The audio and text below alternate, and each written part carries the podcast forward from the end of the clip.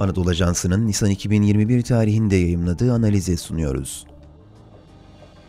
Hedasi Barajı görüşmeleri neden yine sonuçsuz kaldı? Yazan Osman Kaan Yücel, seslendiren Halil İbrahim Ciğer. Nisan ayının ilk haftasında Afrika Birliği dönem başkanı Kongo Demokratik Cumhuriyeti'nin ara buluculuğunda Kinshasa'da gerçekleştirilen Hedasi Barajı görüşmelerinde dikkate değer bir yol kat edilememesi, Nil Nehri ve Hedasi bağlamında bölgede gerginliğin yeniden yükselmesine neden oldu. Mısır, Sudan ve Etiyopya'nın milli güvenlik ve ekonomi bağlamındaki endişelerinin gölgesinde gerçekleştirilen görüşmelerden sonuç çıkmamasıyla birlikte müzakereler yerini karşılıklı suçlamalara, üstü kapalı silahlı müdahale söylemlerine bıraktı.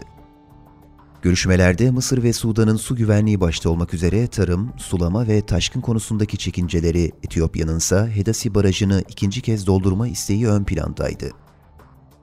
Tüm bu gelişmeler Nil Nehri üzerinde askeri çatışma olasılığının zayıf ama ihtimal dahilinde olduğu şeklindeki yorumları yeniden gündeme getirdi. Mısır ve Sudan'ın değişken talepleri Mısır, barajın uzun yıllara yayılan bir süreç içinde doldurulmasını ve yıllık 40 ila 50 milyar metreküp su talep ediyor. Ayrıca son bir yıl içinde 2015 deklarasyonunda yer almayan yasal anlaşma gündemini hemen her toplantı öncesi ve sonrasında dile getiriyor. Sudansa Ömer el-Beşir döneminin aksine Nil konusunda Mısır politikalarına yakın bir duruş ve işbirliği sergiliyor. Özellikle geçtiğimiz yıl Sudan'da yaşanan su taşkınlarının bu konuda travma yaşanmasına sebep olduğu söylenebilir. Mısır ve Sudan son dönemde Afrika Birliği dönem başkanı ülkenin yanı sıra Güney Afrika, Avrupa Birliği, ABD ve Birleşmiş Milletler'in de görüşmelere dahil edilmesini talep etti. Fakat bu talep Etiyopya tarafından kabul görmedi. Etiyopya, hali hazırda görüşmelerin yalnızca Afrika Birliği uhdesinde gerçekleşmesi isteğini dile getirdi. Mısır'ın Nil politikalarına yakın bir duruş sergilediği gerekçesiyle Kongo Demokratik Cumhuriyeti'nin dahi arabuluculuğuna şüpheyle bakan Etiyopya'nın sorunun küreselleşmesini istemediği biliniyor. Bu durumun başlıca sebebi Etiyopya'nın Tigray bölgesindeki askeri operasyonları ve Sudan'la yaşadığı sınır antlaşmazlığı gibi konular nedeniyle uluslararası baskıdan uzaklaşmak istemesi.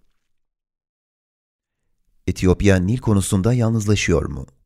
Son dönemde Nil konusunda yaşanan üç önemli gelişme Etiyopya'nın Hedasi Barajı konusundaki politik hareket alanını sınırladı.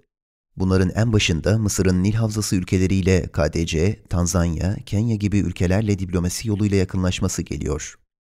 Kongo Demokratik Cumhuriyeti, KDC gibi Nil Havzası'nda ağırlığı olan bir ülkenin Mısır'ı destekleyen açıklamalar yapması bu bağlamda oldukça önemli.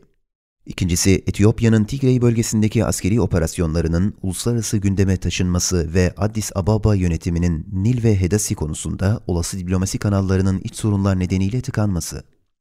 Üçüncü ve en önemli gelişme ise Etiyopya'nın Hedasi konusunda kilit öneme sahip olan Sudan gibi bir müttefiki kaybetmesi.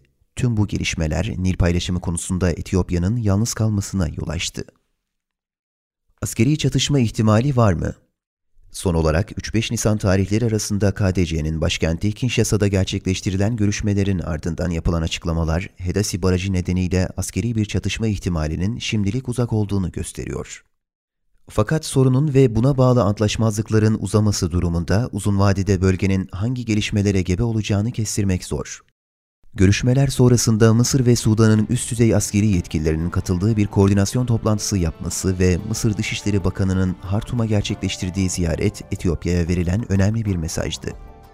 Ayrıca yine Mısır ve Sudan'ın üstü kapalı ve muğlak şekilde çözüm için tüm seçeneklerin masada olduğunu hatırlatmaları soru işaretlerine neden olsa da üç ülkenin de antlaşma yönünde işbirliği mesajları vermesi Hedasi sorununun yakın gelecekte askeri bir çatışmaya dönüşmeyeceğini gösteriyor.